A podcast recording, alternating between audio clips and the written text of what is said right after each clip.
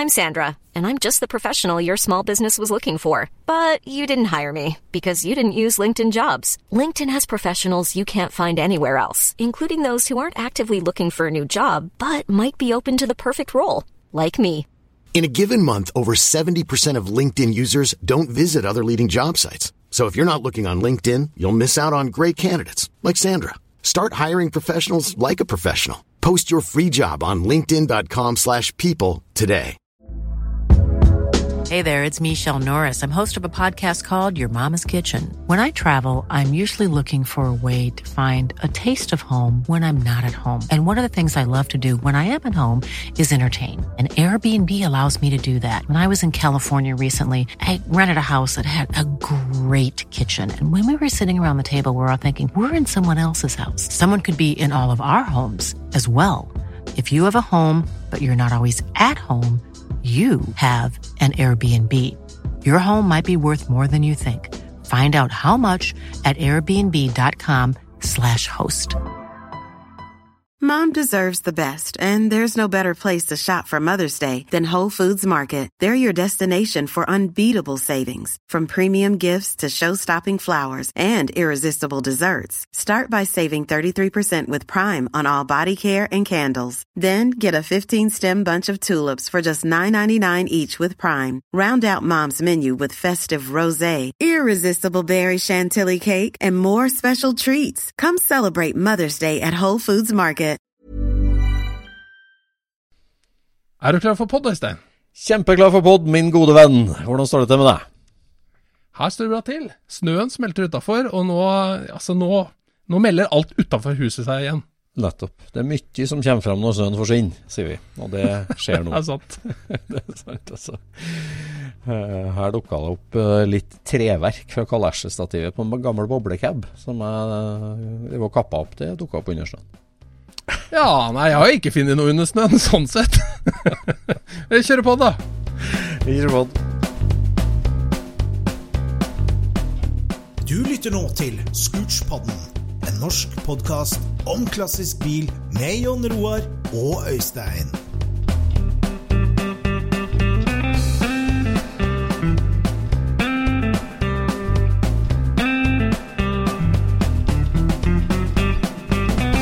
Yes, ladies and gentlemen, velkommen til en ny episode av din favoritt-bilhobbypod, Skurspodden.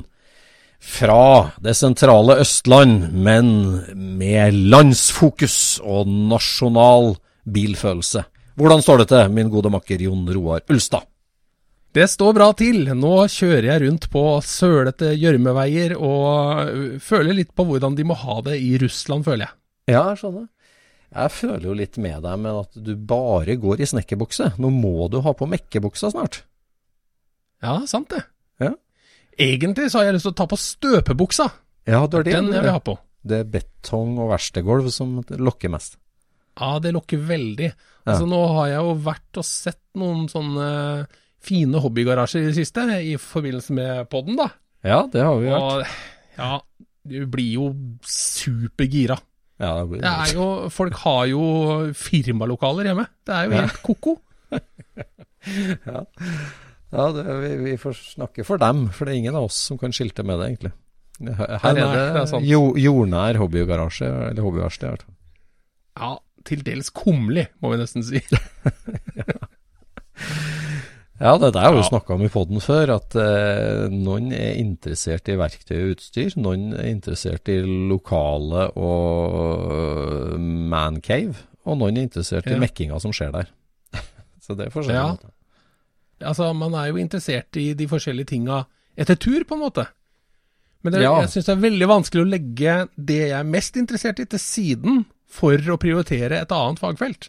Det, det må jeg si at jeg er litt imponert over de som kan gjøre det. Som kan Ja. legge liksom alt på is til at dette her er i orden. Mm. Nei, for meg så er det, det er kun prioritering av tid og penger hele tida. Altså, det er masse verktøy og utstyr jeg ønsker meg. Jeg ønsker meg fine lokaler og skru og sånt, men, men det er liksom hobbytid og hobbypenger må gå til det viktigste, og det er å bringe prosjektene framover hele tida. Ja. Eh, Men eh, en liten induksjonsvarmer hadde vært på sin plass. Vet du, Det har jeg fått induksjonsvarmerdilla, faktisk. For det, det Ja, hadde, har jo hatt dugnad i garasjen her. Og våre gode venner fra Hamar-bataljonen var på besøk og hadde med seg induksjonsvarmer. For et verktøy, altså. Det er helt enormt. Ja. Så jeg liker å hevde at jeg har alt av verktøy, alt jeg trenger til å restaurere bil i garasjen. Men jeg må innse at jeg har ikke det. Men induksjonsvarmer, den står på lista, altså. Noe bedre. Ja, den eh, Altså, når, når man holder på med cab-stativ, Ja. da, da er den virkelig høyt oppe på lista. Virkelig, for jeg driver jo som kjent med en 52 Folkong kabriolet nå i Ørste, for fullt. Og et av de store monstra som jeg liksom har dytta foran meg og dytta foran meg hele tida, på, liksom, Mm. på vanskelige oppgaver, er jo kalesjestativet. Mm. Og kalesjestativet er jo konstruert av kyndige eh, tyske ingeniører i Osnabrück, på Karmann-fabrikken der. Eh, og de Ja, er de kyndige til det? ja, det er dem, altså. Det, Karman var jo en one stop shop. Du bare tok med deg en sedan og trilla den inn døra Ja. sa at jeg vil ha den i cab-versjon. Og de gjorde Ja. alt. Det gjorde Ja. de for Opel og Borgward og øh, ja, og Ja. Da, ikke minst. Ja. Så at Karman kunne Det var sikkert sånn hvis du kjøpt, kjøpt gullpakken, så fikk du kalesjestativ som gikk nedi karosseriet. Eh, hvis du Ja. kjøpte basic-pakken, så ligger det oppå karosseriet. Altså, den gikk ned i viftehuset ja, ja, kanskje det. på bobla. Nei, den derre- det der gjør dem til lunsj, altså Karman-ingeniørene. Det å konstruere kalesjestativ tilpassa hver bil. Det kunne de. Også. Men jeg tenker det at eh, når, når vi snakker om akkurat det der, så vil jeg tro at eh, du kan få en bil som ligner veldig på originalen, altså på sedanen, Mm. eh, men at det da kanskje gjør at du er nødt til å ha veldig mye flere ledd og linker og parallellstag og styr Mm. for å liksom få til denne formen i det be bevegelige taket, da. Mm. Og det tenker jeg at, eh, at eh, eh, Altså, hvis du er opptatt av å bare lage et, et tak som du kan ta opp og ned, så ikke så Mm. nøye hvordan det egentlig ser ut når det er oppe, Mm. da tror jeg at uh, veldig mange kan få til et uh, kalesjestativ. Mm. Det ser jo bare på en, eh, på en båt, liksom. Mm. Det, det ser jo ikke ut når det at dette her taket er oppe. Nei, det der er jo et uh, veldig interessant kontrovers, og det, det, du peker på en sånn dypt fundamentalistisk uh, perspektiv på hver side av Atlanteren. Fordi at Mhm. i Amerika så var det status å kjøre rundt med en Cadillac kabriolet på 50-tallet, som du så at var en kabriolet når også kalesjen var opp. Du skulle se bøylene i stativet, og, og Ja. se at det var en kabriolet. Og til og med så status var det at, du, at, altså at bilprodusentene produserte jo sedaner som skulle ligne på kabrioleter. Et sånt Impala Ja, med ja, en ja. skarp knekk over bakruta. Så skulle se sant, ut som det var en bøyle inni her. Eller er hele vinyltakkonseptet og er jo liksom sånn jeg har, det, det er liksom late som cab, da. I Tyskland og Europa, helt motsatt perspektiv.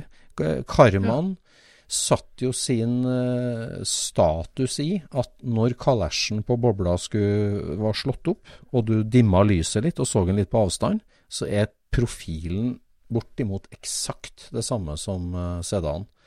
Altså Ja. Den kalesjen er jo så polstra, det er så mye hestehår inni her at det er nok til en hel dobbeltsengmadrass for å kamuflere Mm. hver eneste bøyle. For at det skal være helt rundt som et egg i det taket. Ja. Nei, det er et veldig interessant så. tema du tar opp der. Ja, så det, det Hmm. Hvorfor der blir det sånn, da, tru?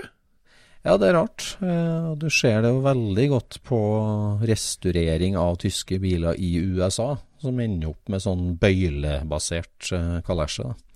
Så Ja. eh, det der er veldig forskjellig. For altså. eh, dette her kan jo du sikkert, men, men 2030-tallet så var det mer Kosta det mer å få et tak enn uten, ikke sant? Ja, det gjorde det. Mm. Ja. Og så på et eller annet tidspunkt så brekker det over, da. At, at eh, kabriolet blir dyrere. Ja, det gjør jo det. Det er klart at eh, når, ja, når skjer det? det?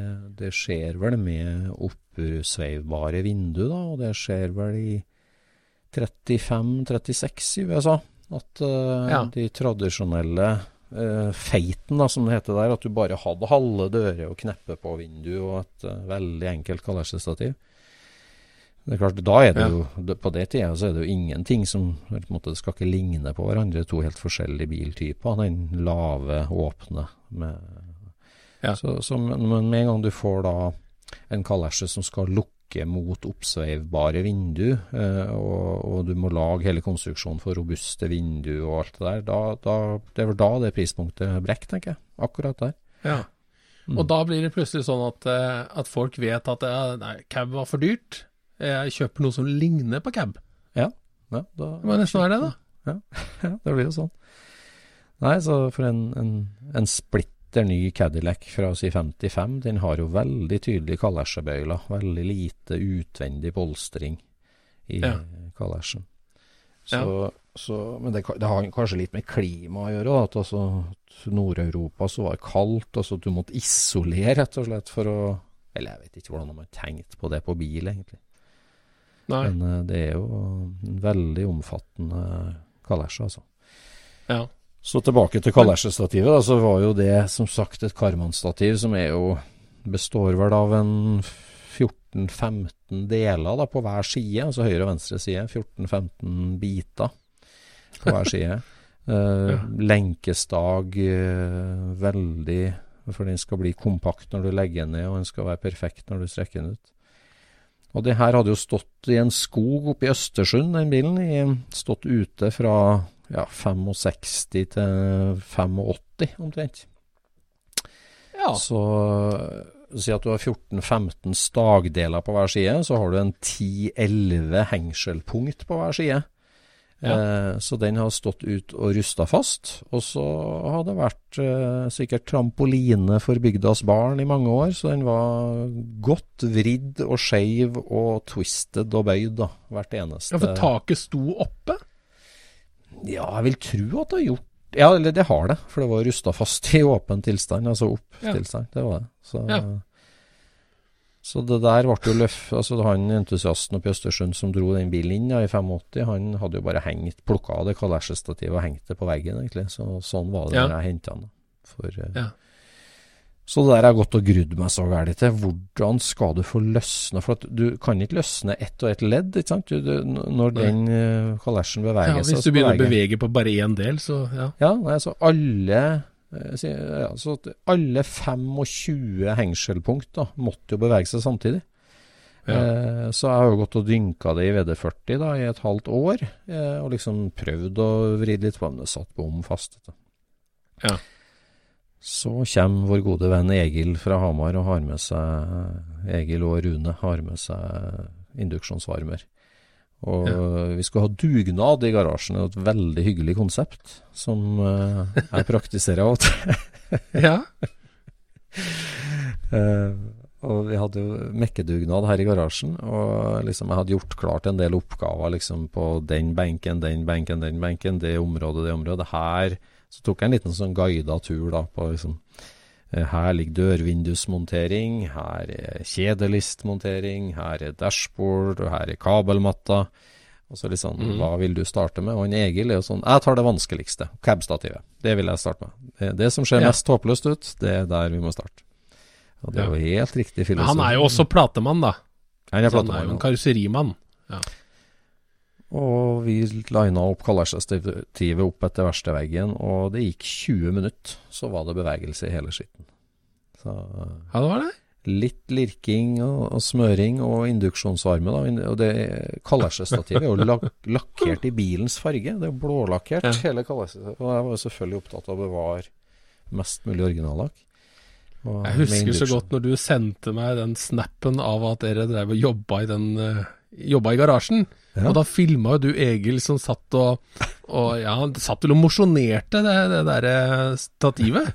Liksom fram og tilbake, frem og tilbake. Liksom sånn ti centimeter av gangen, liksom. Ja, ja, ja, vi måtte jo det. Og jeg fikk den der følelsen av at eh, Som du hadde Når jeg var liten, så var det noen skobutikker i byen som hadde sånne nisser som satt og banka på vinduet og, og lufta på lua og sånne ting som det der.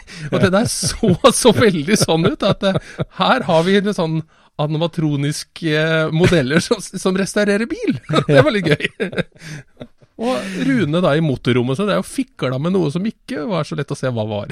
Nei, det var noen sikringsboksmontasje, tror jeg. Ja, ja. Så Nei, det var helt fenomenalt. Så det var jo en, eh, en nydelig start på monteringsoppløpssida i et prosjekt, når vi starta den helga med Rune montert kabelmatte og sikringsboksa, og Egil fikk løs kalesjestativ. For én ting var å få til å bevege seg, og så måtte vi få det på bilen for å liksom begynne å line opp uh, faste punkter. og så Da ble det åpenbart hvor skeivt det var. Så måtte jo varmes og vris og dyttes, og måtte lage Det var to det er sikkert noen som har prøvd å lagt det ned en gang da, um, ute i skogen der, og rett og slett knekt to bolter tvert av, eller sånn hengselpinner, da, så vi måtte Ja. Maskinere og dreie og lage nye. Mm. ja. Men det der, eh, det du prata om der om at det har vært oppe eller nede, det minner meg om den her eh, amerikansk bilutstilling. mm, Der er det liksom en sånn greie med å liksom Du skal present your car, ikke sant? mm, Eh, som kanskje var mer før enn nå, egentlig, da. Men, Mm. men det var liksom ta av et hjul og ha et speil under, og liksom sånn vise hvordan det ser ut inni bremsetrommelen og, og sånne ting som det der. mm. Men de som hadde cab, de hadde alltid taket stående rett til værs. Ja, sant det. Ja, det, det ser jo ut som et sånt eh, Ja, hva skal vi kalle det? Stående baconskive som står rett til værs, liksom. ja, ja, ja. Det er sant, det. Det var liksom en sånn greie. Ja, det er greie, Det er, det er samme i Amerika. Alle boblekabrioletene står jo med bakre sidevindu halvveis opp. For det Nettopp. Halvveis opp. Ja, For da det er i bevegelse. Ja, det, Jeg husker det der så godt at når, når jeg eh, fikk bussen min ferdig og dro på utstilling med den, så hadde jeg jo safariruter. Ja. Og da var det liksom Mest opplagte var jo bare lokke de opp, ha de på Ja. hvitt gap, ikke sant? Men så fant jeg ut at det er jo ikke tøft. Det må jo være Den ene må stå rett ut, og den andre må stå halvveis. Så det gjorde jeg alltid etter det, for å vise på mulighetene. Ja, det viser mulighetene. Nei, det er jo ja, dynamikk i bilen. Ting som er bevegelig, må jo vise fram en form for dynamikk. Ja, Ja, dynamikk er viktig i en bil, altså. det er det, vet du. Ja. Nei da, her går det kun én ting om dagen, altså. Det er cabmontering. Eh, det er oppløpssida på restaureringa. Og når vi sitter og tar opp denne episoden her, så er det akkurat ei uke til det er visning på Kongsvinger trafikkstasjon. Oi. Det er jeg spent på. Ja, men eh, bremser er på plass. Motor kommer til å gå, renner ikke olje an. Nei, det, den er jo ikke prøvekjørt ennå. Eh, og det gjenstår fortsatt eh, greier, da. Det er jo det, Scootspod mantra da, med dørhelvete. Altså hele dørmontasjen, den har jeg jo greid å dytte foran meg. Da, så det er det som står igjen nå.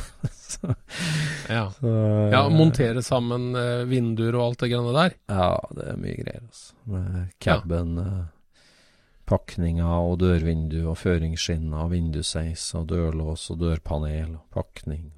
eh. Der har jeg en teori. Eh, jeg snakka jo med vår gode venn på Heimdal. Ja. Eh, og da snakka vi om det at en Hemmüller har jo ikke forhøyde dører Ja. på, Hemmüller i den toseters kabrioleten. Der Mm. er det ikke forhøyde dører. Mens Karman kabrioleten, fireseteren, den har høyere dører. Ja.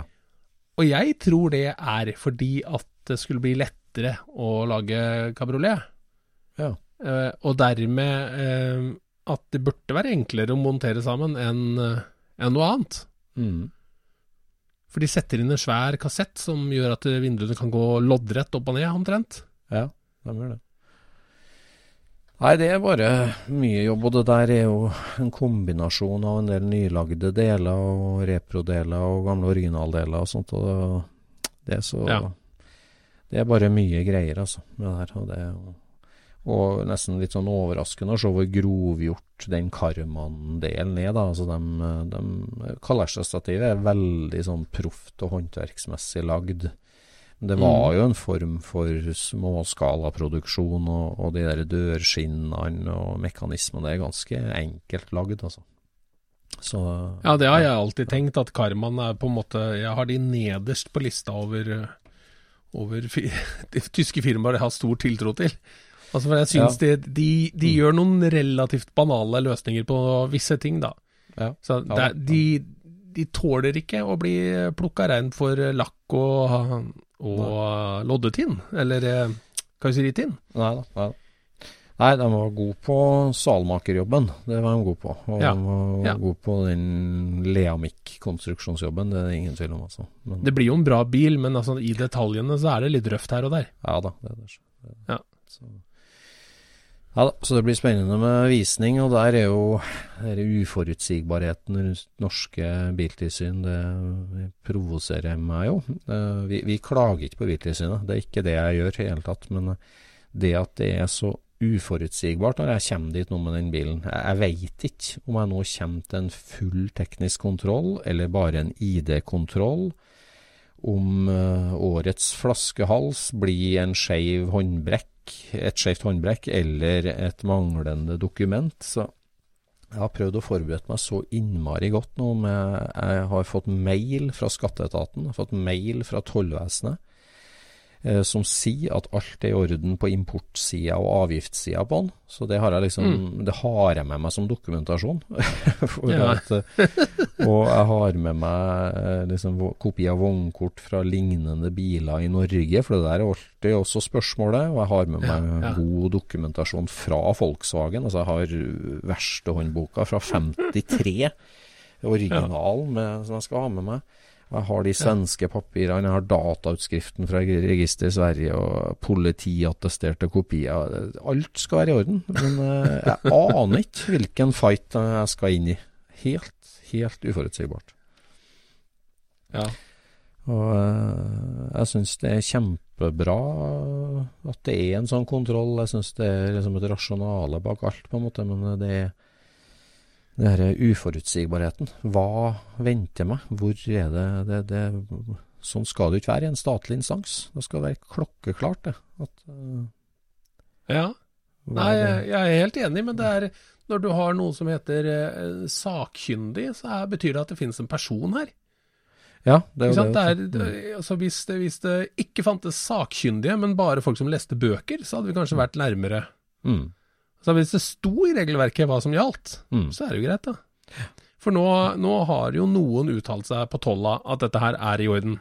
Ja. Ikke sant? De må jo ha kikka på reglene og sett at du har betalt det du skal, osv. Og, og, og sammen med skatteetaten også. Ja. De har kikka og funnet ut at dette her er i orden, og da skulle man jo liksom tro at det, også Biltilsynet kunne Ja. si det. At dette her er i orden. Ja, ja. Men jeg syns det ville være rart om du ikke må gjennom noen form for teknisk kontroll. Jeg vet ikke. Nei, jeg hadde jo hadde, Det er jo er kjemperart det der, ikke sant? For at hvis du så, Jeg hadde en, en god venn og gammel Scootspod-gjest, Terje K. Larsen, var på besøk her. og han har jo også satt seg inn i en del av uh, biltilsynskravene og finlest egentlig de eh, altså Når de importerer en veteranbil, da. Når du Mm. importerer en veteranbil til Norge, så er det altså Hvis den beviselig har vært registrert i et annet land, så Mm. er det bare en ID-kontroll uh, av bilen i Norge. Og det er jo Ja. kjemperart eh, i utgangspunktet, da, for at måte, hvis du tar et skogsvrak i Norge og restaurerer opp den eh, 100% og så kommer på Biltilsynet Ok, den her har ikke vært registrert på 50 år, den har stått i skogen i 30 år. Eh, Nå skal jeg registrere den igjen. Så blir det jo en teknisk kontroll av bilen. De gjør en full teknisk Mm. kontroll, men så får du EU-fritak for at det er en gammel bil, og, Mm. og du får en teknisk godkjent rapport, liksom. Det er bremsetest og alt det der. Ja. Men hvis du tar en bil fra svenske skogen, som har stått 50 år i Sverige, og kommer til Ja. Norge med den, så reglene da sier det at hvis den har vært registrert i et annet land, og kommer importert til Norge, så gjør ikke norske biltilsyn en ny teknisk kontroll av den. De sier at ja, den har vært registrert i andre land, teknisk godkjent der, det er samme regler der som i Norge, det er bare en ID-kontroll. Ja. Men så står det der visstnok en parentes, da, at eh, hvis det er åpenbare tekniske mangler på bilen, så kan kontrolløren be om en teknisk kontroll. Står det der. Så, Ja. så du tar liksom for gitt at den svenske tekniske godkjenner fra 1961 er liksom bra, men hvis du, måte, hvis du ser det som et tvilstilfelle, så kan du ta teknisk står det. Og når jeg da Ja. kommer med en fullpatinert eh, bil, så er det klart, da stiller man seg laglig hogg til det. Ja, så du skulle hatt en sånn Skulle foliert den strøken, så kom du gjennom. Skjønner. Nei da, det blir spennende. Og Scootspod-lytterne skal få være med på den reisa. Jeg har i hvert fall tatt ut skiltene og er klar. Ja. Nei, det er jo noe spesielt med at det skal være spennende å vise fram noe som er i orden, på en måte. Ja, det, det er det, vet du. Ja. Så. Men du fortalte meg her om, om du hadde kjøpt eh, pakning til frontruta Ja. på caben. ja. Fort, for, den må du fortelle. Å, så lang historie. Men det, det, det, historie, altså, det handler bare om det at uh, å sette sammen bil, da. Sette sammen restaurer, rest, bygge ferdig et restaureringsobjekt. Mm. Det er jo så mye arbeid, og det er så mye detaljer. Enhver skrue, enhver pakning. Alt må jo gås gjennom, og du må ha kontroll på det. Og Ja. jeg har jo jobba veldig mye med alle delene og pakninger og skruer, og la det klart. Jeg hadde sånne bolker på hy hyllesystemet mitt og på benkesystemet. Ja. Altså, her er hele dashbordet. Her er alle baklyktene. Her er seter. Her er teppesett. Eh, Alt Mm. sammen lå klart. Bensinsystemet, tanken, tankkran, pakning, slanger, slangeklemmer. Alt sammen. Skal, liksom, det var lagt fram og lå klart. Bare skulle skru det på, skru det på, skru det på. Mm. Og, og liksom, Selv om du tror du har tenkt på alt, og selv om du har tatt i alt og skrudd i alt og kjøpt det inn riktig og venta på versjon, så, så er det altså alltid ei fartssump på flere sånne ting når det skal på bilen. Eh, og det Ja. og frontruta ble et sånt eksempel på det. For frontruta på en sånn bil, den er jo helt spesiell på kabrioleten. Eh, Det er én ting, og så er det 52 Egen form, ikke sant? Ja. egen form på det. Mm. Og den har jeg fått lånt meg. Det er umulig å få tak i ei originalrute som ikke er slitt nok til en så tidlig bil, så jeg fikk lånt meg originalrute. Ja, for bilen er 50 52. Ja. 52-modell, ja. Mm. 52-modell boblecab. Ja, 52-modell boblecab. Og frontruteformen er spesiell. Altså, den er jo riktignok lik da fra 51 til 57, det er den. Ja. Men uh, den merkinga uh, på de tidlige, den er bare egentlig 52-53, da. Så det er riktig Ja. merking. Så eh, originalrute med merking er egentlig umulig å få tak i, som er godkjennbar. Mm. Så jeg fikk lånt meg ei sånn, og skanna den og skåret den. Og da er jo dilemmaet igjen Uh, Alle laminerte-ruter leveres bare i 6 mm oppover. Bobla er levert med 5 mm-ruta. Ja. Så da ble det 5 mm herdaglass som vanlig, eh, som, som originalt. Eh, Ja. Og det er klart, herdaglass er den store fordelen at du ikke får det svake grønnskjæret som plastfilmen i lamineringa gjør. Så at, eh, Ja, ja. det er helt riktig rute. Så det er jo en prosess i seg sjøl. Riktig rute, ferdig. Og så er det sånn at boblecaben fra 52, den har altså ei alulist i eh, gummien som var brukt i bare ett og et halvt år. For bobla fra han Ja. kom i 1938, helt opp til våren 51, så har han bare ei svart gummilist rundt ruta. Ja. Men våren 51 så skulle de snobbe skikkelig og introdusere alupyntelist i gummipakningen. ja. Bare på frontruta på sedanbilen, eh, ikke på siderutene, men også da på frontruta på caben. Ja. Og det lanserte de da med noen bitte små metallklips, noen sånne små, kompliserte juletre metallklips, som skulle 25 stykker, som skulle inn i pakningen rundt hele veien. Også ei alulist, som er en sånn lukka C-profil, eller D-profil, en D-profil, ja. som skulle klikkes inn i de juletreklipsa etterpå. Helt Jaha, så idiot. klipsa sitter på ruta, og, nei, sitter på gummien, Ja. og så klikker du fast eh, eh, den der pyntelista etterpå? Ja, det, sånn Ja. gjør det. Det, det. det tok oss en hel kveld på dugnaden å lære oss akkurat det der. Om, om klipsa skulle på lista først, eller i gummien først, og om du skulle sette inn ruta Ja. først eller etterpå. Det var, det var ikke lett å forstå den rekkefølgen. Men poenget mitt var at denne klipsløsningen og upolert aluprofilen, den varte bare i ett og et halvt år. Og det er fordi at punkt én, dritvanskelig å montere. Punkt to, mm. de, de stålklipsene eh, rusta jo opp med en gang. Ja. På veldig mange Ja. splitter så ramla alun av, for at det der ble jo en vannoppsamlings eh, uten like. da. Ja. Så, så fra oktober 53 så kom jo den med en sånn vanlig åpen C-profil som, som låser seg sjøl inn i, i, eh, i gummien. Kan si Der hele alulista går inn i gummien, sånn som på veldig mange biler har i dag. Mm. Men de denne utvendig monterte alulista med juletreklips er jo ikke lett. Og det er cab, så det er liksom bare Det er one year only. Den moldingen fins bare ett år. Ja, nå blir det veldig detaljert, Jon Roar, men jeg er jo så Ja, veldig ja, ja. inne i det. Og så er det en finne som lager repro av klipsa, så dem hadde jeg fått tak i. Ja. Eh, og så har jeg drevet og leita etter den alu-krumlista, for den fulgte ikke med bilen. Og, og den er jo umulig å få tak i. Ingen lager en repro heller, til cab. Nei. Og plutselig så dukka opp en annonse i Frankrike. En fyr som har restaurert en sånn cab. Hadde fått tak i to originaler, skulle selge den eh, ja, ene han ikke brukte. Og jeg var kjempeheldig og sendte han penger tvert. Og han lagde en kryssfinerkasse. Altså to kryssfinerplater sammen, som jo liksom, blir jo en sånn halvmeter ganger 40 cm omtrent. Ja. For den Ja. alumoldingen er delt i to på midten med noen Å, skjøtestykker. det er det, ja. ja. Mm. Så han pakka det veldig godt, og jeg fikk den hjem. Den kosta skjorta, men jeg var kjempeglad. Helt perfekt patina. Litt eh, bulka og slitt og kjempefin. Og, og så fornøyd med å få tak i den alumoldingen. For det ja, one year only og helt umulig å få tak i. Ja. Og så var det jo da det her med gummilista. For mange bruker nyere gummilist som har en profil i seg.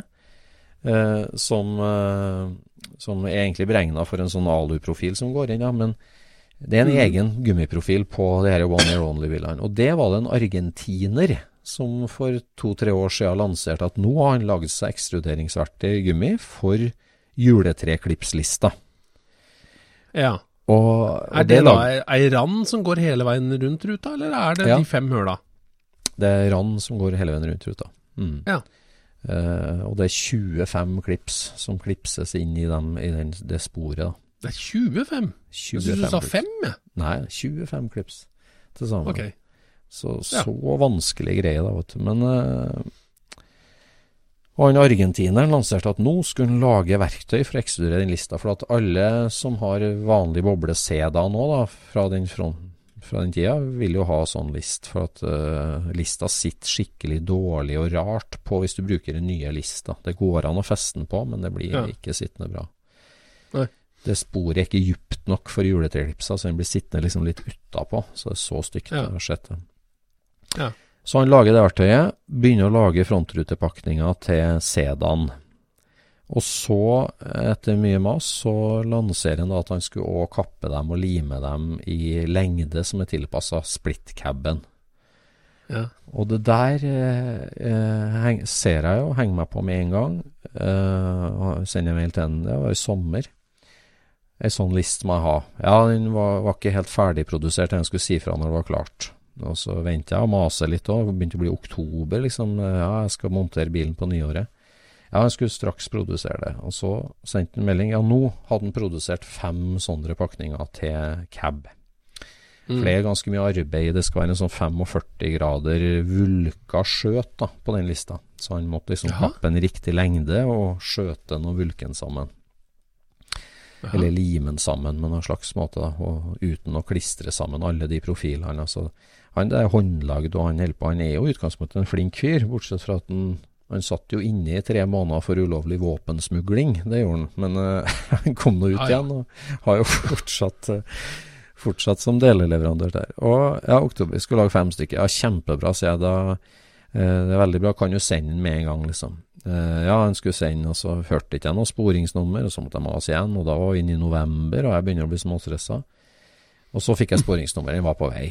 Kjempemessig, og den kommer hit til Åsum, og det var noen andre pakninger, det var to dørpakninger med, som han også lager da. Og så åpna jeg pakken, og tok ut dørpakningene, for de begynte jeg å montere.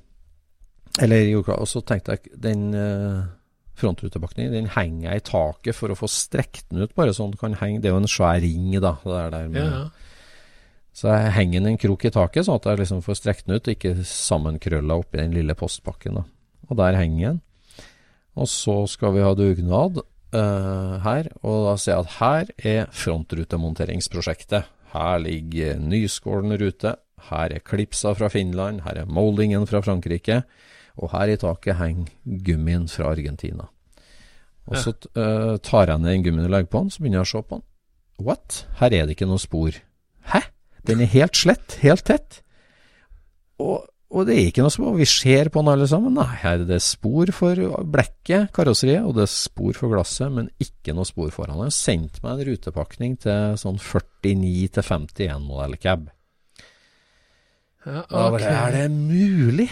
Han lager jo det òg, men er det mulig? Her har vi maila om det her i et halvt år, og jeg venter på akkurat den. Fra den tidligere profilen er det mange som lager. Den kan ikke vi kjøpe fra Hotshop eller BBT her i Europa. Ja. Men den med profil var jo han eneste som lagde, og det var hele mailunden handla om bare det. Er det mulig? Og jeg sender mail til henne, hva er det for noe? Du har sendt meg feil? Nei, du har fått akkurat det du bestilte, sier han. Hæ? Akkurat det du bestilte? Ja, bare, bare se på siste mail. Og da, liksom, etter et halvt år med mailkorrespondanse og venter på her, så, så, skriver jo jeg da liksom Ja, to sum up, windshield gasket, door gasket. Eh, skriver jeg liksom to punkt, bare sånn. Det var jo ja. det vi skal ha, så kan du sende det fortest ja. mulig. Vi har diskutert ja. litt andre ting òg, og der står det windshield gasket. Ja, men vi har diskutert det med profil liksom hele tida. Ja, men eh, jeg bare så fort på den siste, og der sto det bare windshield gasket, og da antok jeg at det var den vanligste du skal ha. Bare, eh, er du full, eller? Ja, for, da, for, hvorfor skulle du ikke da ha sendt den i sommer? For du gikk ja. og venta på at de skulle lage den med spor i. Ja, jeg gjorde det. Nei, så... og, og, helt nisse, vet du. Hvis jeg snakker om, liksom eh, Da må du sende meg en riktige tvert, sier jeg. Har visning på bildet sin om tre uker. Ja. Bare sånn, ja, nei, ja, hvordan gjorde vi det med den andre, da? Den kosta jo 135 dollar, denne pakningen, da. Hva gjør vi med andre, da? Så jeg, nei, jeg vet ikke. Jeg får sende den tilbake til, da. Nei, da blir tolla altfor dyr hvis du skal ta det inn igjen og alt mulig sånn. Så sier jeg, men kan du bare sende den første her, før vi diskuterer ferdig her? Det finner jeg løsning på. Kan du bare sende den første? Ja, nei, nå måtte han i hvert fall ha betalt for den. Ja vel, nå har vi gjort helt feil. Da jeg sier jeg kan returnere den andre, liksom. Du må ha fullt betalt. Ja, fullt betalt. Og jeg tenker ja, det haster sånn at jeg paypala 135 tvert liksom til den. Kan du sende den? Ja. Ja. Uh, så, ja, men hva gjør vi med den andre, enn, sier han fortsatt, da. Uh, så sier jeg liksom uh, jeg, kan jo, jeg kan bare ha den liggende her, og hvis du selger en sånn til Europa, så kan jeg heller bare sende dit, da. Nei, jeg selger aldri sånne til Europa. selger aldri sånne til Europa, ok? Ja. Ja, så fram og tilbake. Hvorfor, hvorfor, hvorfor ikke det? Er, er, det for at du får kjøpt det her, eller? Ja, jeg vet ikke. Han bare gjorde seg veldig vanskelig. Og så Nei, han var og, men altså, eh, når alt kommer til stykket, så han lager jo mange viktige, fine deler til splittbobler, mm. så jeg skal ikke mm. liksom være sur på han heller, men men så, da, når han eh, Så sendte han eh, Så skulle han sende den, og så sier jeg 'Har du sendt den noen to dager etterpå?' Nei, jeg hadde ikke for jeg har fått ei anna bestilling fra Norge òg nå. Det var noen som skulle bestille stigbrettgummi. Ja vel, men kan du sende min pakning med en gang? Nei, men det var veldig lurt å samlaste stigbrettgummien. Eh, at, ja, det, det var, jeg sa det at jeg betaler for den pakningen, men han betaler for frakta over. Ble vi liksom ja. enige om, da. Ja. Nei, så da skulle han få han andre nordmannen til å betale for frakt da, for stigbrettgummien. Og så skulle han jo få mm. sendt sin gummi gratis over. Og da måtte jeg vente ja. på det, da. Han skulle spare de pengene på frakt. Det gikk det to-tre dager, da. Og da var endelig det på vei, da. Og da kom det heldigvis med Ekspress DHL, da. Så jeg fikk det da endelig, og den passa perfekt, og den var kjempefin. Men uh, det er et ja. sånt eksempel. da. Jeg har jobba i ja, månedsvis for å ha alt klart, og så er ikke alt klart. I'm Sandra, and I'm just the professional your small business was looking for. But you didn't hire me because you didn't use LinkedIn jobs. LinkedIn has professionals you can't find anywhere else, including those who aren't actively looking for a new job, but might be open to the perfect role, like me. In a given month, over 70% of LinkedIn users don't visit other leading job sites. So if you're not looking on LinkedIn, you'll miss out on great candidates like Sandra. Start hiring professionals like a professional. Post your free job on linkedin.com/people today. Mom deserves the best, and there's no better place to shop for Mother's Day than Whole Foods Market. They're your destination for unbeatable savings, from premium gifts to show-stopping flowers and irresistible desserts. Start by saving 33% with Prime on all body care and candles. Then get a 15-stem bunch of tulips for just $9.99 each with Prime. Round out Mom's menu with festive rosé, irresistible berry chantilly cake, and more special treats. Come celebrate Mother's Day at Whole Foods Market.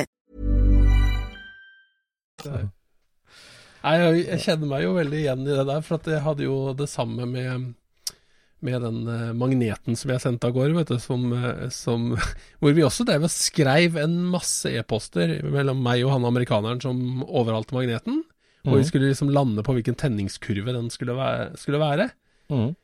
Og, og jeg sendte over spesifikasjon på motoren og masse forskjellige greier da, og han foreslo og foreslo, og, og jeg, jeg mener vi liksom landa på at vi skulle ha en sånn vanlig Bosch 009 eh, fordelingskurve, da. Mm. Um, når jeg får den, Mm. så ja, jeg, jeg merker jo ikke noe til det, egentlig. Jeg må jo bare montere den på motoren. Og så har jeg den med ned til han JPM, da, for å, for å tune inn motoren. Og, og jeg, stil, jeg har jo stilt den inn på 7,5 grad fortenning, sånn at den skal begynne på riktig sted da, ikke sant? Og denne her motoren leverer jo så dårlig effekt, da. Altså det er sånn 100, 150 hester eller et eller annet sånt noe. Eh, og jeg tenkte ja vel, ok, hva er det? Og så, og så, så, si, så sjekker han eh, Johannes da utkastet på den fordeleren. Det viser seg at den kaster jo ikke ut i hele tatt, for den er låst. Ja. Den er låst, den står helt bom stille, den. Ja. Så det at jeg sendte magneten til USA for å få en ny tenningskurve, det gjør at jeg får den tilbake uten, Uten tenningskurve. Og så går jeg inn og så leser på den e-postkommunikasjonen, og da ser jeg at i den siste e-posten så har han Det er første gang han introduserer at også låst er et valg. I den siste e-posten så, så ramser han også opp 'låst'. Ja, som et valg. Og den blei låst. Nei. Jo, jo. Jeg skrev jo aldri 'ja, sett den låst'. liksom. Nei. Det var jo aldri det jeg sa. Nei. Men det var sånn Ja, ok, greit, samme det. Åh, Men, eh, men heldigvis så, så hadde jeg såpass uh, stor kam at uh, det var ikke noe problem å ha låst fordeler. Ja vel. Jaha. Jeg trodde det var veldig viktig. Ja. Du, Ja, det skulle man kanskje tro, men altså når du har 328 graders kam, da Ja. er det veldig få ventiler som egentlig er igjen. ja, ja. Så den, eh, altså den, den bygger jo ikke dynamisk komp før på, på 3005 eller noe sånt nå, etter husken. Ja. Så under der så er det bare Du trenger ikke, du trenger ikke ha kraftig starter engang for å dra rundt den motoren, til tross for eh, 12-3 i komp. ja. Ryddig. Ja da. alt, alltid noe som er åpent. Ja, stemmer. Ja. Yes. Men, eh, men eh, apropos det, vet du. Jeg har eh, eh, Jeg får jo innimellom så får jeg sånne eh, drypp hvor, hvor noen eh, skal imponere meg som er da boblekar, med, med bobler de har sett. Ja. Og ja, det blir jo sånn så du møter en bilfyr, og så hører ja, driver med bobler, ja. ja, nå skal jeg fortelle deg om ei boble jeg har sett, eller ja, Ja, bestefar ja. Ja. Mm. Og det er jo farlig i det distriktet her sånn, fordi eh, det, det har ikke vært så veldig mange sprekebobler. bobler. Eller det har det jo vært, men det begynner jo å bli veldig lenge siden, ja. kan du si. Ja. Så eh, det var en som, eh, som, tok, som tok kontakt, og han hadde, han hadde hatt eh, Han hadde sett ei boble som no, gikk noe helt sinnssykt. ja. Ja, ja, hva var det for noe? Liksom? Nei, det var på Geiteryggen, da, ja. ja. Ja. og da er det jo igjen den der Ja. den famøse kvelden som jeg kjørte da jordebobla på Geiteryggen på natt til 1. mai, da. Det var tider, det. Eh, Ja, det var tider. Og da, og da, da stiller jo han det spørsmålet som en hotrodder eh, naturligvis gjør. Hvilken, Mm. hvilken blokk var den motoren basert på? Ja. Men det er jo Porsche-blokk, selvfølgelig. Alle folkevogner som går fort, er jo Porsche-motor. Eh, ja. Ja. Og så, så begynte jeg liksom å tenke på, eh, for å forklare han da hva som egentlig skal til for å få ei boble til å gå sånn som den gjorde, da. Ja. Da hadde vel den 190 hester når jeg var på, på Geiteryggen. Men, men det er jo ikke like fram å få Nei. det til. Nei. Altså, det, det, det er ikke spesielt uh, vanskelig, men det er ganske mye ting du skal gjøre for å få dette her til. Ikke sant? Mm. Mm. Og så, begynte, så jeg måtte jo svare han på at ja, det var en ny magnesiumblokk, Mm. for det første. Eh, som jeg da bora opp til 94 mm eh, hull for, eh, for sylindere, ikke sant? Mm. Og slipa ut sånn at jeg kunne få 78,4 eh, slag på, på veiva Mm. med motvekter. Mm. Og så var det JD-stempler på 94 med racepack. Eh, disse her eh, stempelringene. Mm. Det er jo sånn der som du bestiller fra, fra JD i Statene og får levert neste dag omtrent, fordi at de er bare vant til å sende til raceteam, på en måte. Det er jo sånn Mm. Ja, ja. eh, f- f- Seneste depot. Ja, det sendes til depotet. Mm. Men, men ikke sant, når, når du begynner å ramse opp alt dette her, for jeg satt og diskuterte dette med en, og da, da blir den motoren Den består jo bare av eh, heite greier, egentlig. Mm. Altså, den er det, er det er en veldig modulær motor i utgangspunktet, men Mm. du bytter jo egentlig alt. Mm. Ja, det gjør det. Det gjør Det er liksom bare blokka som er fra Volkswagen. Ja. alt annet er bytta. Ja, det er det. Så, Ja, råda, så det, går å, det går an å få ut eh, grei effekt. Den, altså den, eh, den ble ikke den sprekeste motoren, det, da, for å si det sånn, men, men eh, den hadde 207 hester. Det hadde den. Ja. Eh, og den har jo liksom da Virker som har satt seg litt spor, da, i hodene på den som så den den gangen. Ja. Eh, ja, for du snakker jo om eh, sånn eh, kvelds eh, street legal drag racing eh, på Ja. Geiteryggen, Skien. ja. Der det var Du har snakka om episoden før i podden, men for nye lyttere, da, så Jordbobla Jordebobla di er jo utslitt, patinert, eh, grunningsflekka, sliten Ja. og er 65-modell? Nei. Ja, det er det. Ja, ja. Som du satt en monstermotor i. Eh, kule felger, ordentlig dekk. Eh, ja, me Ja, mekanisk det er jo, det er jo understellet fra den dragracing-bobla som jeg drev og restaurerte, da. Mm, Som jeg satte inn i, i jordbobla fordi at eh, Det er noe med det at når du ikke har kjørt med dette greiene her på mange år Altså Mm. Det her hadde jo ligget nedplukka i fire-fem år. Så Mm. tenkte jeg at eh, nå har jeg liksom endelig kommet i mål med det motorbyggeprosjektet. mm. Da har du lyst til å prøve det, altså, se åssen det funker. Men den andre var ikke ferdig. Nei. Da tenkte jeg at vi, jeg tar jeg den der jordebobla, den som sto ute på jordet der med originalmotor, Ja. og så reiv jeg ut av motoren og girkassa, sveisa veltebøyle og satte på, på senkeforstilling og, og ordentlige bremser.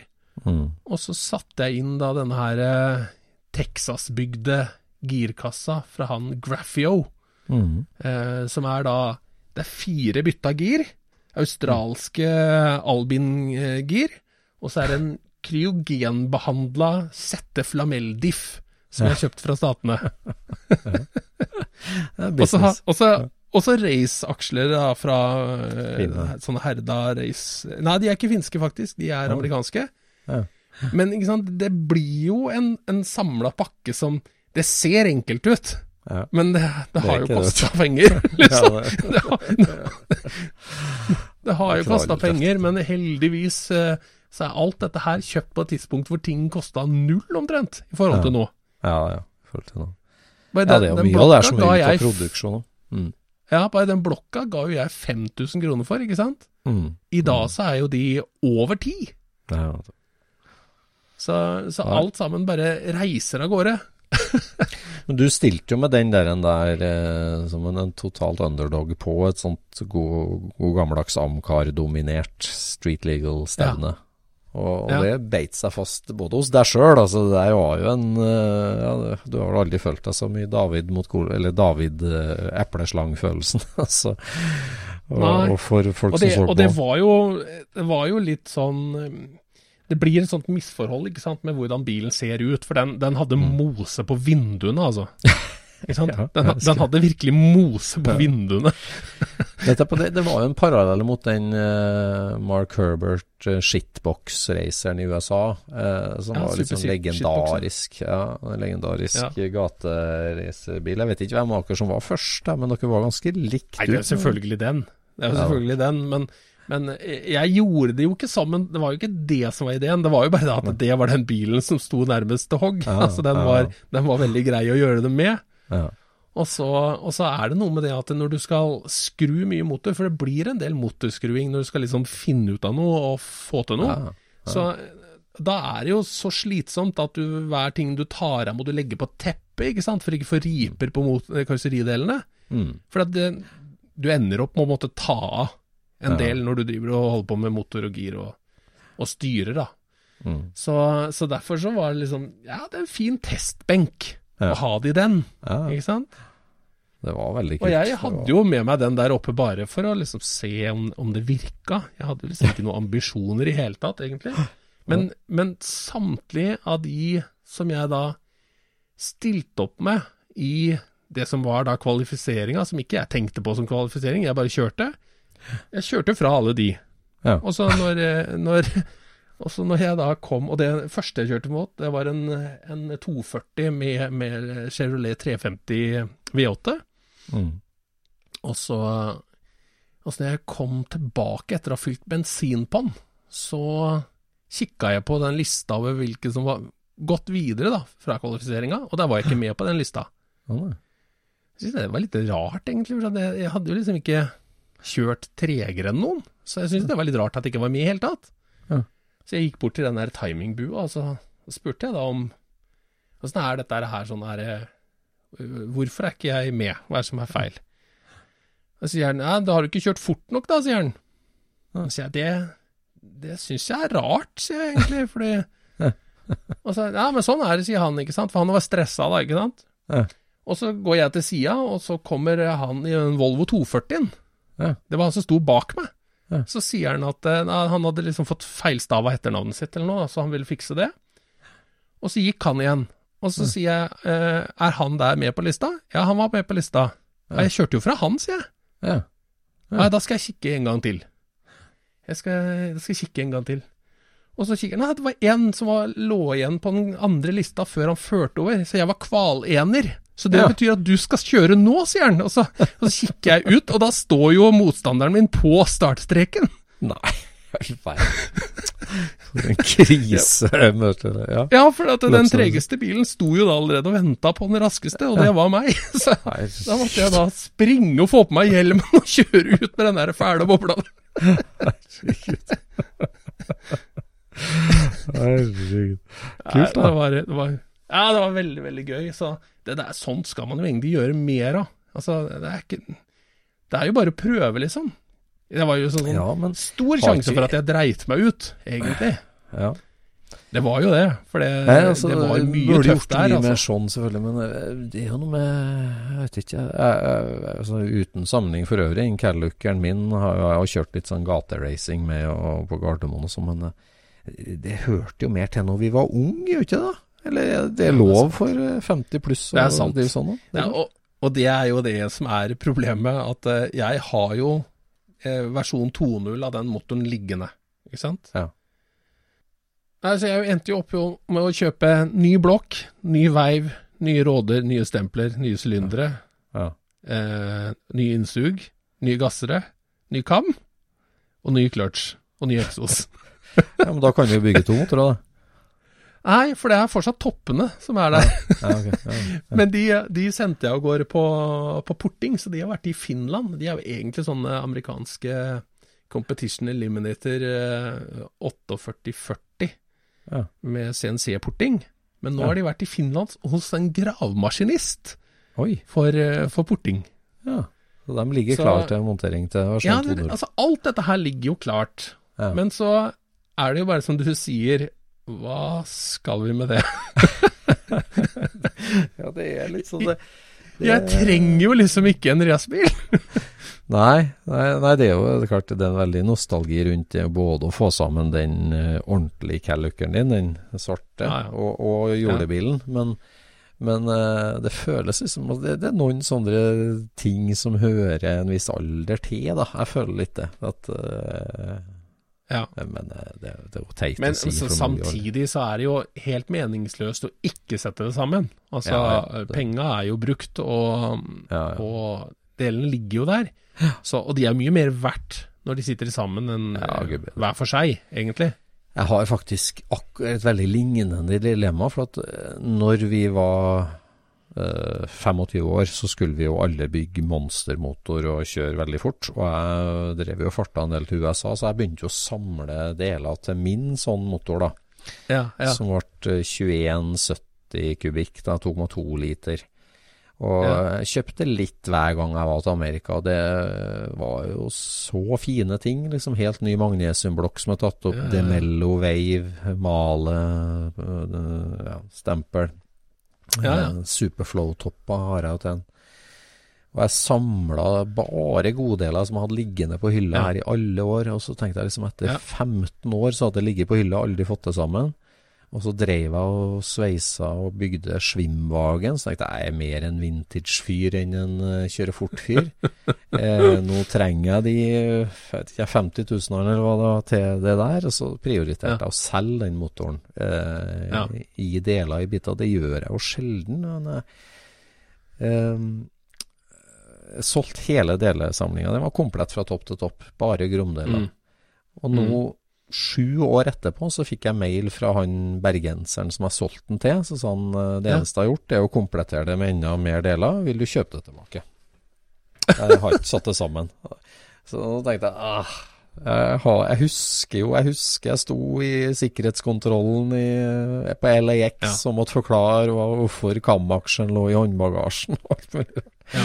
Så jeg har så følelser for de bitene, så jeg nå driver jeg og vurderer nesten om å kjøpe den tilbake. Ja, for det, altså, det er eh, en veldig magisk ting altså, når den motoren sitter i en bil. Fordi Ja, at det eh, det. altså, det er noe med en, Noen motorer høres ut som de knurrer når de jobber, Mm. ikke sant? Altså at de, de, de jobber med noe, de, de produserer. Ja. Og så er det noen som, som synger. Ja. Og, og eh, den, den motoren min, den synger. Altså den Jeg gira jo den på, på 9000.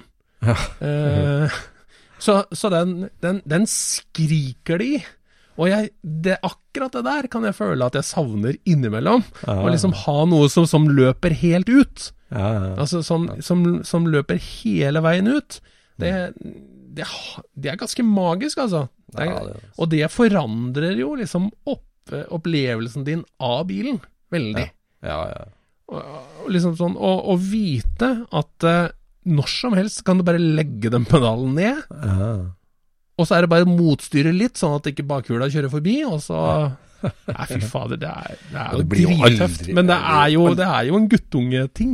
Det er jo det. Ja, men du blir jo aldri for gammel til å altså, Å kjenne på de følelsene blir man aldri for gammel til, men til, å- til å liksom bruke det som vi gjorde før, det, det Jeg vet ikke. altså Å risikere førerkortet i sånn epleslang-villmannskjøring, det Nettopp. Det ja, men altså, det, de, de tinga der kan du jo unngå. Du har ikke nødt til å kjøre som en idiot fordi at du har muligheten, liksom. Nei da. Du har jo ikke det. Det er sant. Det er sant.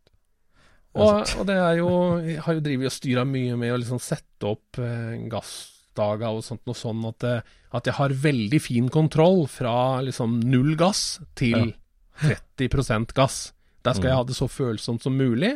Fordi at når du er forbi 30% gass på den motoren her, da, da er det villmannskjøring.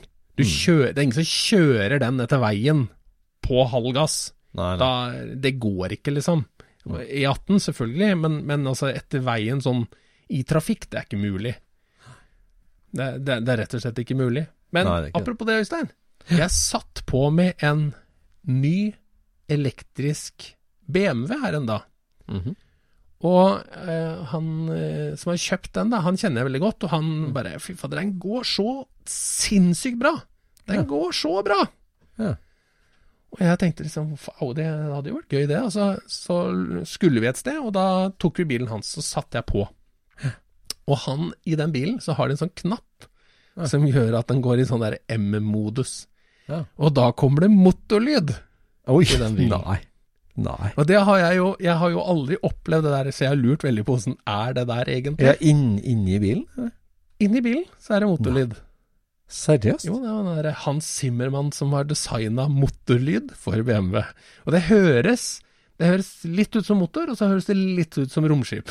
på en måte. Det er, det er 90% motor og 10% romskip. Ja. Nei, Ja. Og så skifta jo alle instrumentene til sånn rødt, og så blei det veldig sånn racing inni der, da. Mm. Eh, og han tråkka på, og dette her dro jo gang, og det, det sang jo bra. Liksom. Og, det, og så, så kjente jeg det at jeg, jeg fikk jo faktisk puls av det. ja. Så, så vi er ganske enkle mennesker, altså. Det, altså det, vi lar oss faktisk lure. Ja. Det føler, jeg hadde jo trodd at det skulle være, føles kjempe, kjempeteit. Ja, ja. Men det var ikke på langt nær så teit som det jeg trodde det skulle være. Det er jo ganske vilt. Altså, er det en eh, hybridløsning altså, som, kommer til å dø ut med tid? At vi må legge til motorlyd for at du skal få akselerasjonsfølelse av 100 det, det føles jo helt feil. Men, eh, og, det må jo bare være oss som det der funksjonen er fri til. Vi som husker at ordentlig motorlyd henger sammen med ordentlig eh, akselerasjon. Altså, våre barn har jo ikke samme forholdet til turtallsvillig bensinmotor. Nei. Nei, det At da funksjonen Jeg, jeg vet ikke. Kanskje. Det, det, det, det, det resonnerte i hvert fall i meg, da. Altså, Ja. Så jeg, jeg syns det var, litt, det var litt gøy. Det var litt Ja, gøy, ja. faktisk. Det skjønner jeg. Apropos moderne bi- superbiler og andre nyheter. Vår venn eh, Bjøro Haaland, nei, fotballspilleren Haaland, har gått sammen eh, Fotballspilleren Haaland. Ja, han, det. er han andre. Ja. Ja. Han har jo da gått inn på et samarbeid eh, og skal kjøpe seg halvparten av en Mercedes AMG One. Eh, har vi fått med oss. ja, det er den derre lavtbygde saken er det. Ja, det, altså det er et god gammeldags Mercedes-oppskrift. Ta en Formel 1-bil og tre på den et uh, gatebillignende karosseri. Eller egentlig selg en fullblods racerbil som en uh, gateregistrert sak. Det er Ja. Én av 275 stykker som skal produseres. ja. Han går jammen meg inn i et eksklusivt selskap. Så Louis Hamilton har kjøpt en til faren sin. Hyggelig farsdagsgave. 34 okay, men, millioner. men han kjøper den, kjøper den i samme uh, Han skal ha halvparten? Ja, det er jo han eh, Vision Tech-gründeren ute på Vestlandet som jo har ei svær bilsamling som vi har lyst til å prate med i poden. Og dem, eh, det er vel han som er den bilsakkyndige av dem. At de går inn 50-50 visstnok på å kjøpe den bilen. Men det, det høres ut som en investering, eller? Eller er det her en bil? Ja, altså det at de har jo tenkt å tolle den inn i hvert fall og ha norske skilt på den, forstår jeg. Eh, for det var vel liksom Ja, da er det jo en bilpris eh, 26, 26 millioner og norske avgifter eh, 34 til sammen. da. Eh, så de har i hvert fall tenkt å gjøre det. Så hadde det vært bare pengeplassering, så hadde den jo sikkert stått i et hvelv i eh, Monaco. Men eh, de Ja. har tydeligvis eh, tenkt å, å ha den på norske skilt, ja. Og det, det er jo veldig artig at uh, også si Sondre folk Altså, bil er jo en, eh, et, en innretning som er populært for mange, også på en måte ikke bilinteresserte, for å si det sånn. sånn som jeg. Ja, men det kan jo godt hende han er bilinteressert, for å si det sånn. det kan hende. Eh, det kan hende. Det er klart altså at statusen en bil gir, er jo sikkert eh, ja, Det er en måte å vise at du tjener Det er dagslønn for noen, brent, det? Er jo helt vilt. Ja. Så. Og så er det jo, Mm. altså på det nivået der som de der eh, Aston Martin til han eh, som han Fredelig hadde, for han har vel solgt de, tror jeg. Jeg har det, okay. Ok. Eh, ja, lurer på det, jeg syns jeg så noe om det. Men, men eh, det er jo liksom på et nivå hvor folk ikke skjønner om den koster to millioner eller 34 millioner, ikke sant? Ja, ja. Det, Ja, det er det er ingen som skjønner noe av det. Du ser bare Her er det um, Her er det noen spinkle greier som ser ut som går fort, på en måte. Ja, Ja. Eh, og, og ja, for hvis du var ute etter statusen, så kunne du jo like gjerne kjøpt noe som alle skjønte var en Ferrari eller en Lamborghini eller ei Porsche. Ja, det er sant. det er sant. Så du må jo være bilinteressert for å liksom ende opp med, med en AMG One. Ja. Ja, for det, det er litt sånn utradisjonelt valg der i det at det er en veldig sånn techy bil. Eh, det er jo teknologi superavansert bil. Mer enn eh, ja, en, en mer flashy Ja. Lamborghini. Da, sånn. så, Ja. men det Jeg husker når, eh, når Jaguar kom ut den der, med den der 220-en, husker du den? Ja, det husker Altså jeg. på, Mm. på 90-tallet. Ja, ja, Den syns jo jeg er eh, ganske så tøff. ja. Men, men jeg husker den gang da, så var jeg så skuffa over at det var V6 inn. Å ja. ja. For det var bare V6. Hvorfor er det bare en V6? Ja. ja. Nei, det var Da var det liksom ikke det rått nok. Nei, nei. Nei, det var jo litt sånn at uh, more is more eh, på en periode der, men så ble det mer fornuften som tok over. Og den One, det er jo en plug-in-hybrid. Det er jo en ladbar hybrid. Ja. Så den har vel best Ja, of both worlds. Mm. Ja. Jeg satt og hørte på en uh, kjent um, designer, bildesigner, Mm. og da snakka de om Lamborghini, for han har jobba der. Mm.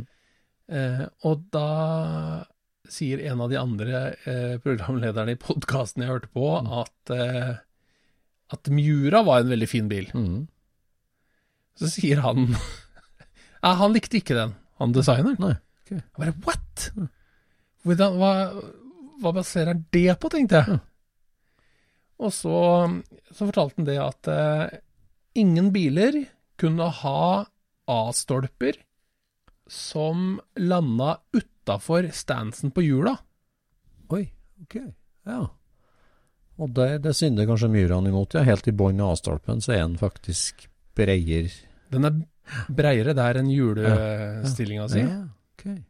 Det har jeg aldri tenkt på. Så han sa det at den er jo kjempefin sett fra sida. Eh, og, og det er den jo. Men så, så tre kvart forfra så ser det helt håpløst ut. Så fant jeg et bilde, og så bare Jeg skjønner hva han mener. Altså, det er ikke det at han er er ikke helt håpløs, men, men han sa det at eh, en, eh, en eh, MK2 GT40 Ja. gjør en mye bedre jobb på å være en Miura enn en Miura gjør, sa han. Å, ja vel. Ja, Så da er begynner jeg å tenke på liksom, hva, hvilke konsekvenser har Hvis vi liksom tar internere det der, altså tenker på det. Mm. Hvilke konsekvenser har det for 356-en, f.eks.? Mhm. Eh, ja, det er jo et godt spørsmål. Uh, den er jo har Det kan jo Den har jo mye mer loddrette A-stolper, da. Ja. Uh, Men dem Ikke loddrette, men mindre hellende. Mm. Men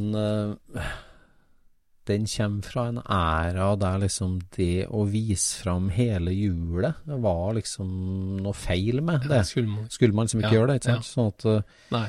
Den har jo en unaturlig smal sporvidde, på en måte, fordi at uh, For å få til å svinge. Ja, den er mer som en fisk. Ja. Den er mer som en fisk, At den skal liksom flyte gjennom uh, lufta, eller som en fisk gjør i vann. Ja. Det? Så det er ikke noe poeng at den skal være breiest nederst. Nei. Mens eh, en, eh, en racebil eller en banebil eller Mm. noe som skal se ut som performance, bør stå støtt også i designet. Ja, jeg er enig. Det kan være derfor at det er tøffere med breiere hjul på biler. Ja. Faktisk, for at det kan fikse dette her. Der er det et skille. Jeg tenker på sånn, sånn som Porschen. Da, som, den har jo ikke hjulbua verken foran eller bak som viser hele hjulet, og som muliggjør svinging uten å smale den. Og Ja. det, du kommer, jo ut av en tid der på Le Mans at man kjørte liksom sånn wheelspats på både fram- og bakhjula. at det var en veldig oppfatning om at det var et aerodynamisk grep da, som var viktigere enn sporvidde. Og jeg Eh, vet ikke når det der skillet egentlig går, at man begynner å designe felger som både gjør litt aerodynamikkjobb og, og kjører bremsejobb, og, og at liksom det er greit å åpne opp hele hjulbuen. For det en Porsche en 356 som har åpna hele hjulbuen fram og bak, den vil se ut som en offroad-terrengbil, vet du. Det, det endrer Eh, karakteren ja. veldig. Ja, Ja, det er sant. Jeg vet ikke hva det der kommer av, jeg, om det, var, om det handla om at diagonaldekk var så dårlig på å håndtere slitte veier at du, måtte ha hjula der slitasjen vanligvis var. Eller sånne, sånne typer Ja, ja, der, da. Ja. Altså hvorfor ja, det, jeg, jeg føler jo ikke at det finnes en ordentlig bra designmessig grunn for at hjula skal sitte så langt inne. Nei, det er sant. Nei, det er jo det, da. Det kan, men det er helt sikkert en grunn. Ja, altså det er jo det på Porschen, da, som, som måtte ha Skulle du dra ned hjulbuen så mye, så måtte du ha svingradius, og da blir det en avstand der. Eh, Det Ja. Men da tror jeg heller at den bilen har vokst utover, istedenfor at de flytta hjula innover. ja, ja, ja, det har den jo. Absolutt. Ja. Nei, altså der hadde, du- du tok jo utgangspunkt i folkevognforstillinga. Det var sporvidden din, ferdig snakka. Og hvis du da skal ha et design som uh, oppfall, altså så aerodynamisk da, at du skulle dra ned hjulbuen, så, så måtte du dra ut skjermkanten for å få til sving. For den Mm. går jo rett i skjermbuen hvis du har to tjukkaser inni og kjører i skarp sving, så det har vi jo prøvd. Ja. Ja, Ja. ja da. nei eh, sånn er Det det. var bare, det var bare en interessant eh, Interessant betraktning fra en, en designer. Ja. Nei, det er ikke mange som tør å kritisere The Holy Grail, uh, Mjuran. Nei. Men det gjorde han Sasha Selipanov. Ja, flott. Så um, det er litt eh, jeg, jeg skulle ønske at man kunne liksom egentlig sitte og høre på bildesignere og fortelle hvordan det var de tenkte. For at eh, jeg har jo tenkt mye på, på bildesign opp igjennom, og eh, det hadde jo vært gøy å vite hva de faktisk tenkte på, ikke bare hva man gjetta at de tenkte Ja, på. altså, er det. Der har vi jo en hyggelig en i Stranden Skorpione, da. Og nå eh, er det stadig oppmerksomhet rundt den bilen i det at den står sentralt plassert på Kjøretøymuseet, og han er kommet i årboka til Kjøretøymuseet. Så Ja. der går det an å diskutere design. Så føles det, føles det også som vi tente en liten gnist hos, eh, hos Einar når vi pratet Ja, med ja, ham. ja. Han ble veldig engasjert etterpå. veldig artig. Ja. Vi tar imot flere tips om interessante gjester, og vi har mange gode gjester vi har vært og tatt opp med, og som vi har i Kjømda i Scootspodden. Ja, det, vi har eh, etter hvert ganske mange eh, artige ting liggende nå. Ja, det er hyggelig. Og vi har flere på blokka òg, som, eh, som lokker. Og vi er ved veis ende på dagens episode, så da sier vi takk for følget, og tusen takk for at du laster ned og hører på Scootspodden. Vi prates. Ha det bra.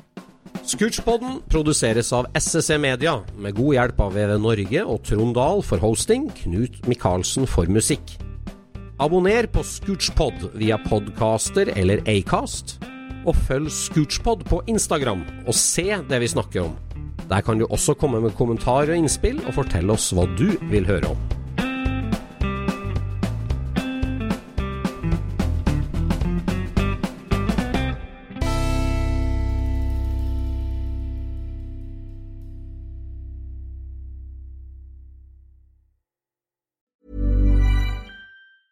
מה Mom deserves the best, and there's no better place to shop for Mother's Day than Whole Foods Market. They're your destination for unbeatable savings, from premium gifts to show-stopping flowers and irresistible desserts. Start by saving 33% with Prime on all body care and candles. Then get a 15-stem bunch of tulips for just $9.99 each with Prime. Round out Mom's menu with festive rosé, irresistible berry chantilly cake, and more special treats. Come celebrate Mother's Day at Whole Foods Market. Even when we're on a budget, we still deserve nice things.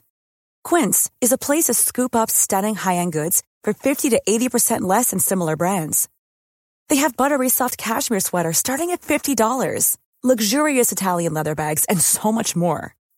Plus, Quince only works with factories that use safe, ethical, and responsible manufacturing. Get the high-end goods you'll love without the high price tag with Quince. Go to quince.com slash style for free shipping and 365-day returns.